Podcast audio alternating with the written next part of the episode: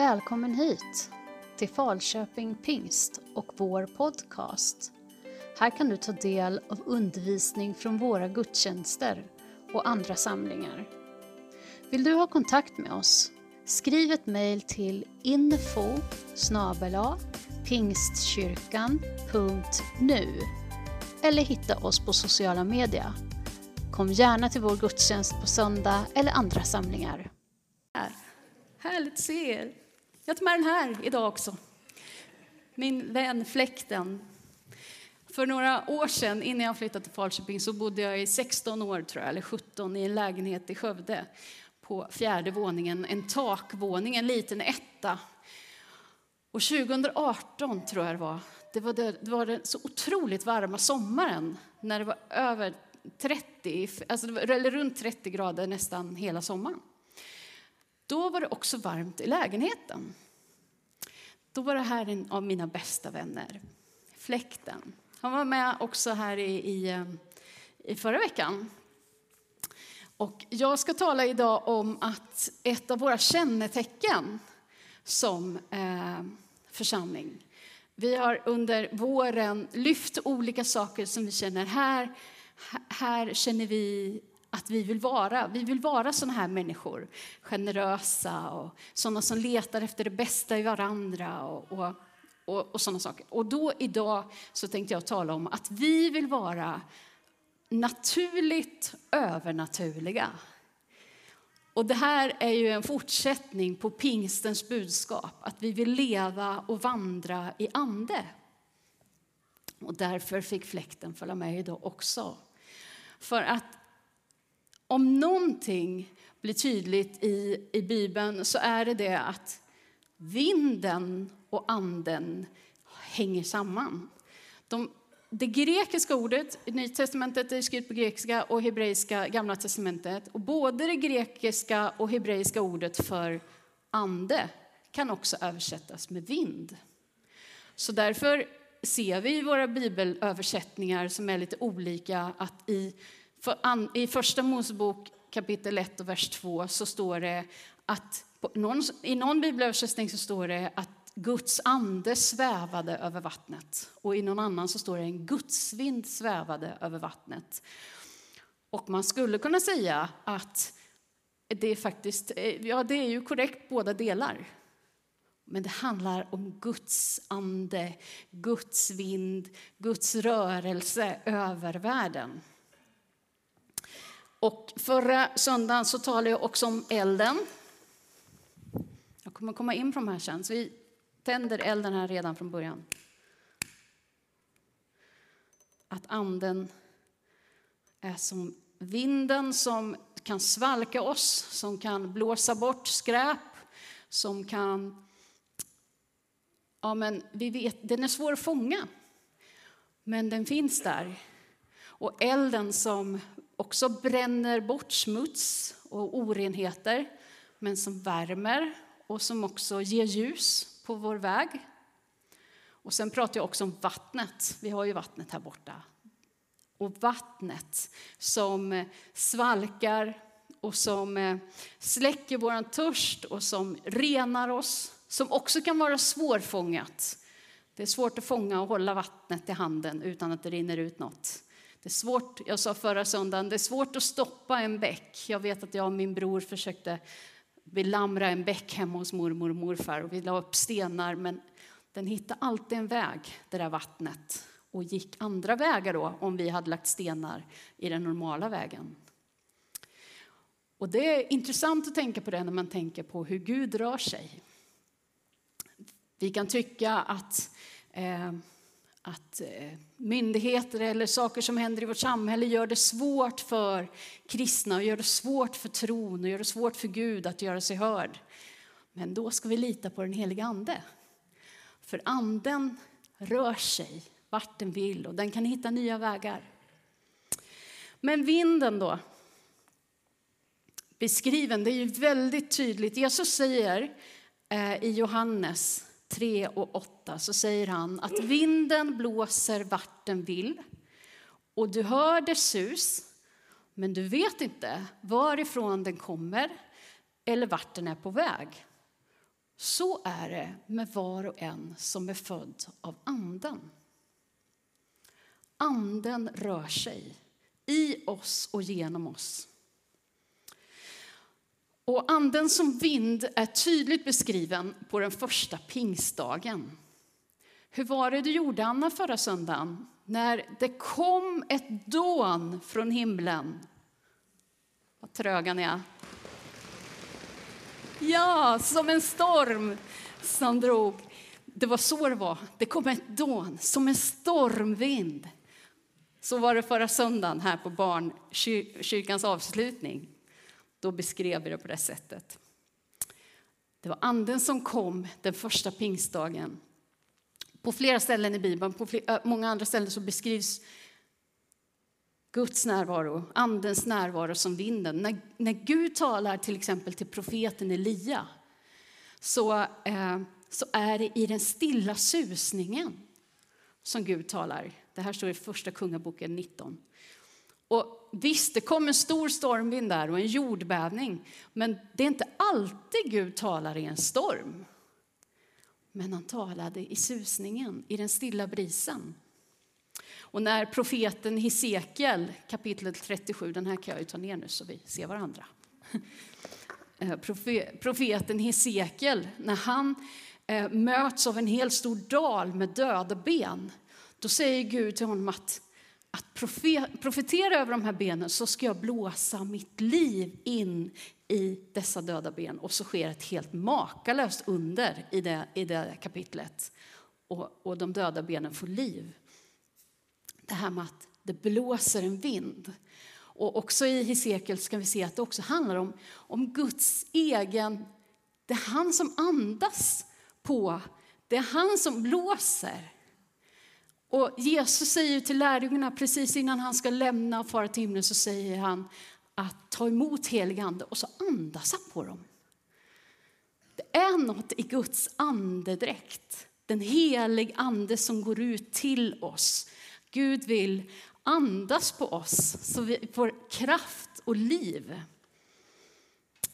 Det här med, med bilden av vinden det är en fantastisk bild på hur levande relationen med Gud är och hur han rör sig ibland oss.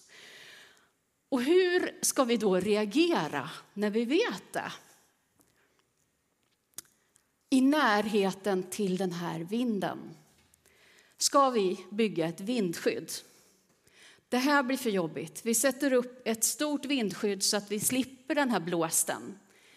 Så vi eh, kommer undan anden som hindrar andens vind att blåsa rent i våra liv och kanske förnya oss med ny kraft. Du vet, det kan ha hänt saker i förflutna i relation till gudsupplevelser eller situationer i, i kristna sammanhang som gör att vi är rädda för, för andliga erfarenheter. Och då bygger vi upp ett vindskydd så att inte vinden ska blåsa nära mig. Alltså mitt förslag är ju ett annat. Låt oss bygga vindkraftverk.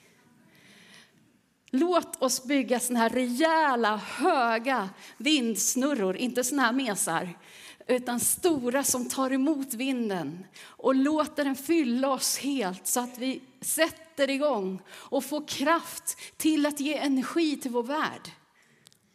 Du vet, de här vindsnurrorna, visst, de kan stå på lite störiga platser ibland.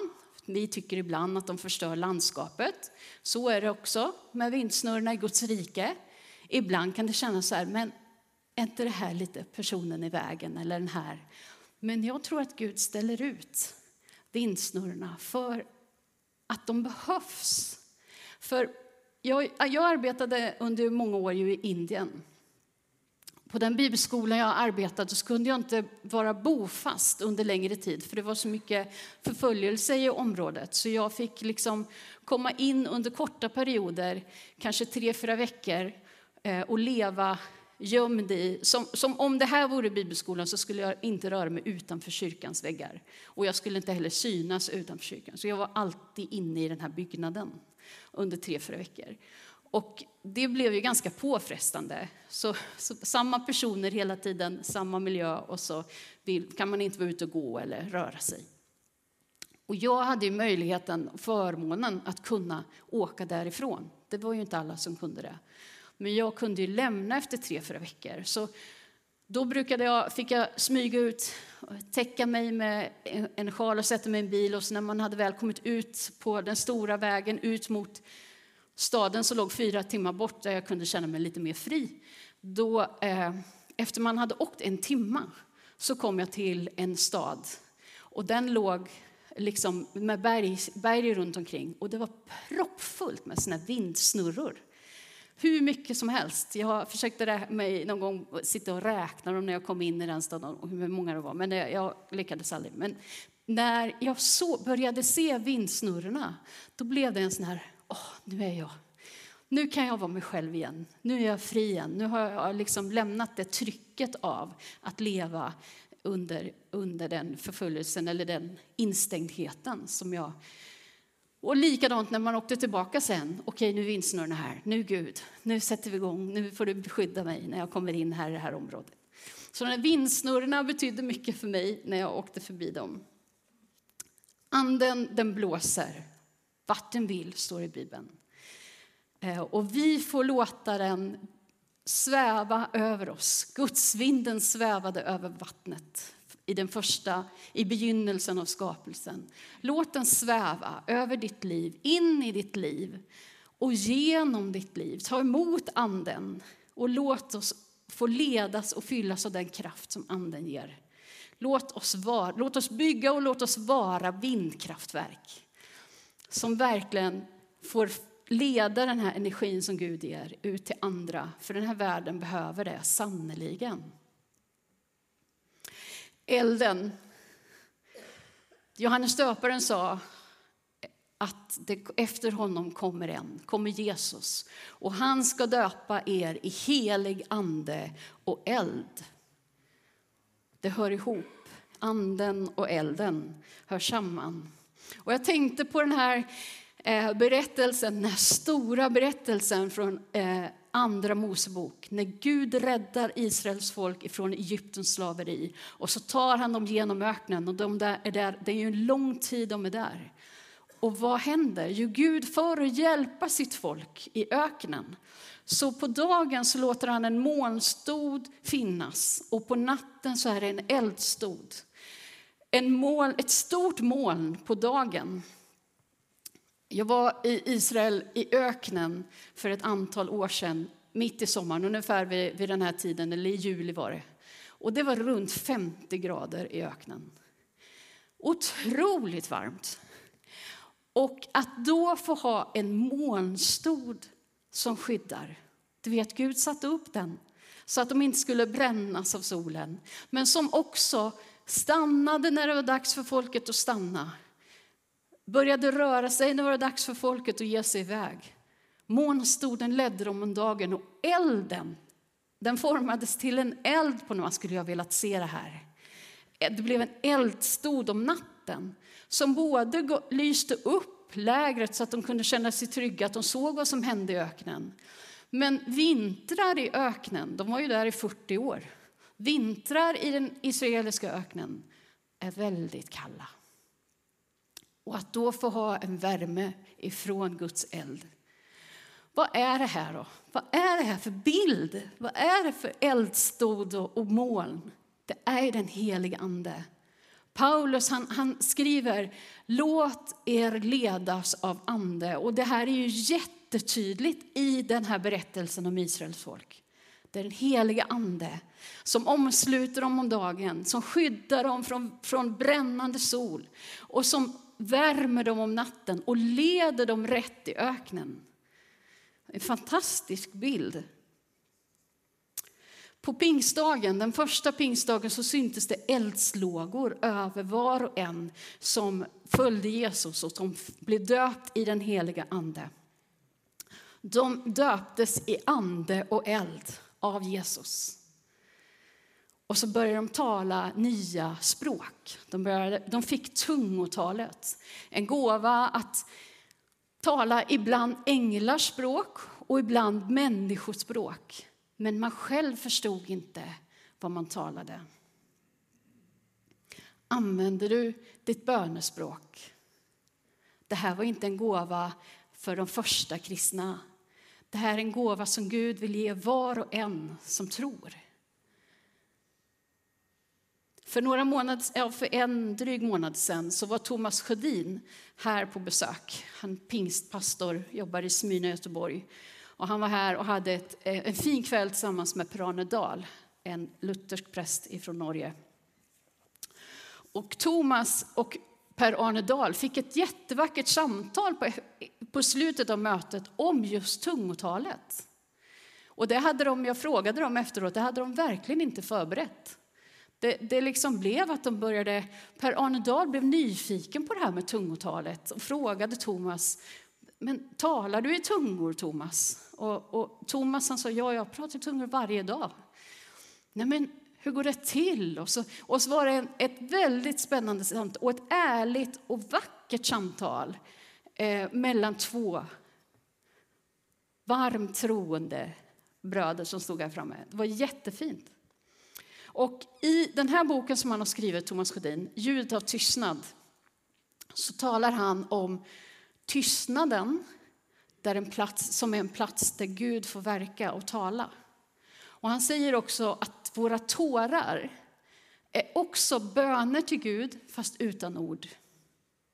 Och sen när han närmar sig slutet av boken så säger han, precis som han också sa här, att han har börjat räkna tungotalet som ytterligare en sån där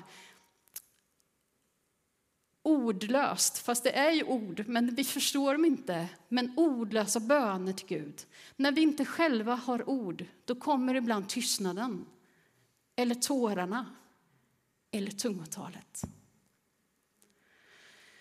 Vi, när, liksom, man, när tystnaden får tala istället för Ibland pratar vi väldigt mycket, säger jag och står där uppe och pratar. Men låt tystnaden tala. Låt tårarna få uttrycka inför Gud. Och låt tungotalet få forma din bön. Där inte jag alltid, eller vi alla förstår, utan Gud förstår. Ibland så har kanske vi, särskilt vi pingstvänner, hamnat i lite kramp i detta. Och därför uppskattar jag Thomas Sjödins ord så mycket. Han skriver i den här boken så skriver han Tungotalet är också ett slags vatten. Det flyter upp ur en inre källa. Det kommer till ytan som ord som inte finns eller inte är kända. Men bara för att orden är obegripliga eller okända behöver det inte betyda att de är meningslösa.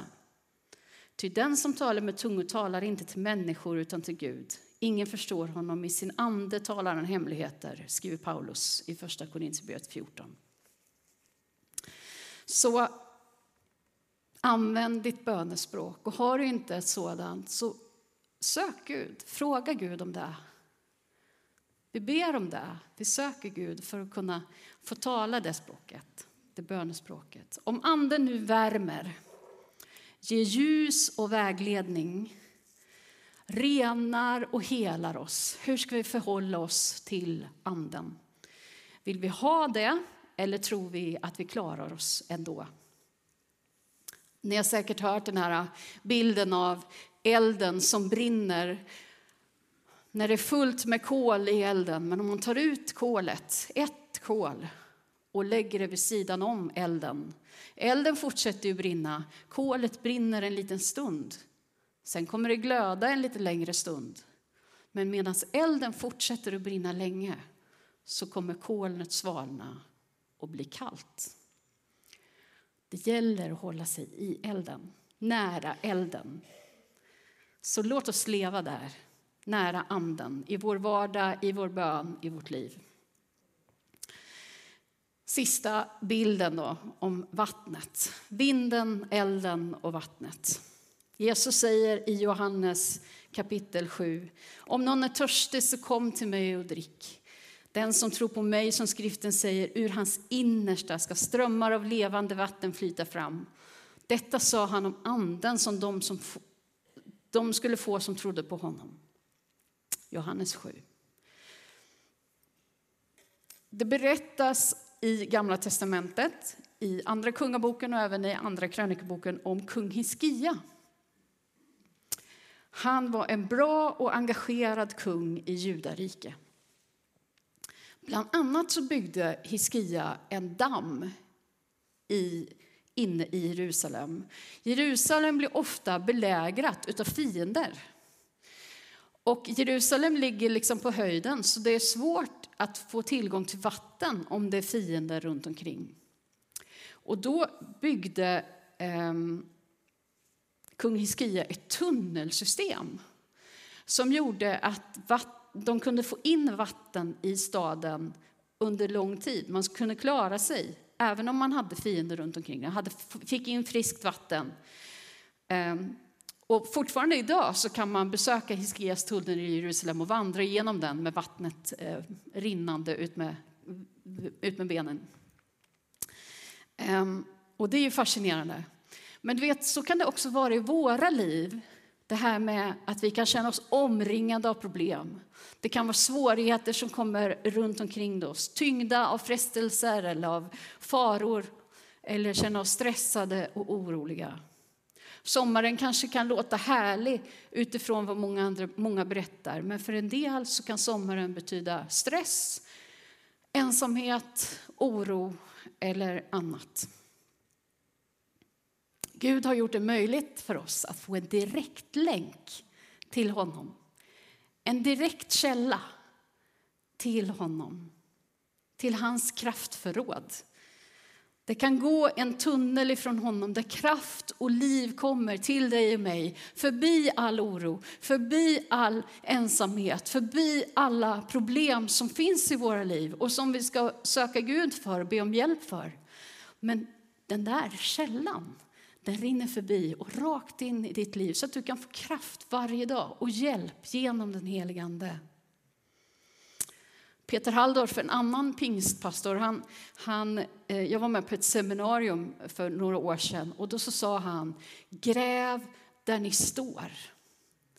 Gräv där ni står. Det finns källor där vi är. Och Jesus han talade om levande vatten. Jag, igår var jag ute på morgonen eh, åkte runt lite i, utanför stan för att hitta lite blommor. Eh, och det är ju så Eh, nu har jag bott här tre år, så då kanske man får vara lite så sur över att det inte finns så mycket vatten i den här stan. Det, finns, det är inte jättemånga sjöar eller vattendrag och inte jättemånga bäckar heller. Men där jag gick och plockade blommor så hörde jag plötsligt en bäck påla.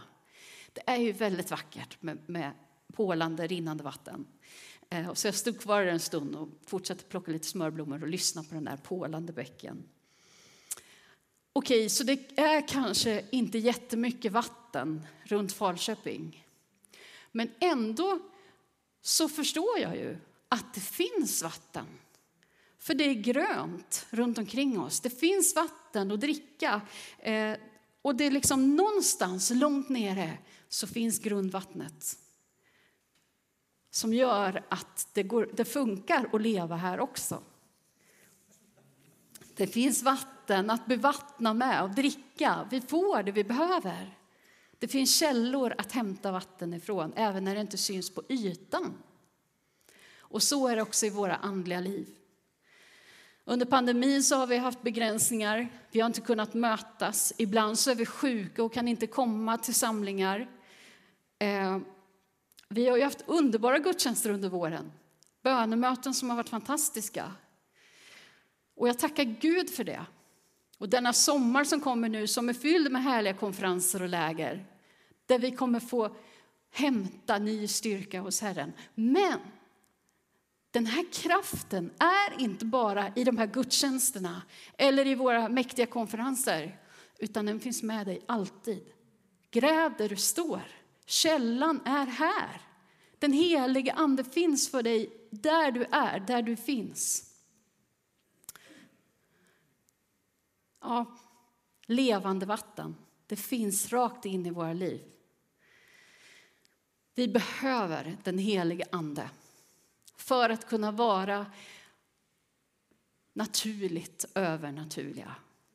Så behöver vi kraften från den helige Ande. För det är det den gör. Den ger oss gåvor så att vi kan vara med och be för sjuka. Där vi kan få vara med och profetera ord ifrån Gud. Där vi kan få ett bönespråk som vi inte förstår men som upphöjer Gud och som talar till honom. Men vi blir också formade till att bära frukt av frid och glädje, av tålamod och kärlek ut i vårt samhälle. Allt detta behövs i vår värld. Det, naturligt övernaturliga, det övernaturliga naturliga. Allt detta behövs in i vår bygd här där vi är. Vi behöver den heliga Ande. John Stott, en av 1900-talets stora teologer, han skriver i sin bok om apostlärningarna. Utan den heliga Ande vore kristet lärjungaskap otänkbart, till och med omöjligt. Det kan inte finnas liv utan livgivaren. Det kan inte finnas förståelse utan sanningens ande. Det finns ingen gemenskap utan Andens enhet. Det finns ingen Kristuslikhet utan Andens frukt. Det finns inget effektivt vittnesbörd utan Andens kraft. Som en kropp inte andas är ett lik, så är kyrkan utan den heliga Ande död. Vi behöver den heliga Ande. Så låt oss bygga, riva vindskydden, bygga vindkraftverk. Låt oss lägga alla kolen in i elden och låt oss gräva där vi står och dricka djupt av Anden. Vi behöver den heliga Ande. Vi ber tillsammans. Helige Gud, vi ärar och upphöjer dig för att du är med oss alltid. Tack för att du fyller oss med din Ande. Tack för att du svävar runt omkring oss som en gudsvind och att vi får känna din närvaro. Och du vet hur ofta vi också inte känner din närvaro, men tack för att du är där då ändå. Tack för att dina källor aldrig sinar. Tack för att vi får dricka oss otörstiga av dig. Tack Jesus. Tack Gud för att du idag vill beröra var och en som är här. Du vet den som kanske aldrig upplevt det som vi kallar för andedop eller andeuppfyllelse. Jesus kom med din ande och blås på den personen. Och så vet du att vi är många här som kanske har upplevt det förut men som har tillåtit det blivit tomt. Som har liksom blivit uppfyllda, men så har det tömts ut. Fyll oss igen, heligande. Kom, heligande, och fyll oss med din kraft, med din kärlek, med din frid, med din sanning, med din vägledning. Vi behöver dig, heligande. För vår bygd och vår stads skull, för våra familjers skull, för våra vänner och de som står oss nära skull, för vår egen skull. Vi behöver dig, Gud.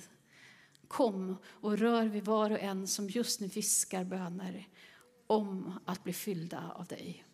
Heligande, kom. Heligande, kom. Du har lyssnat till undervisning från Falköping Pingst. Gud välsigne dig.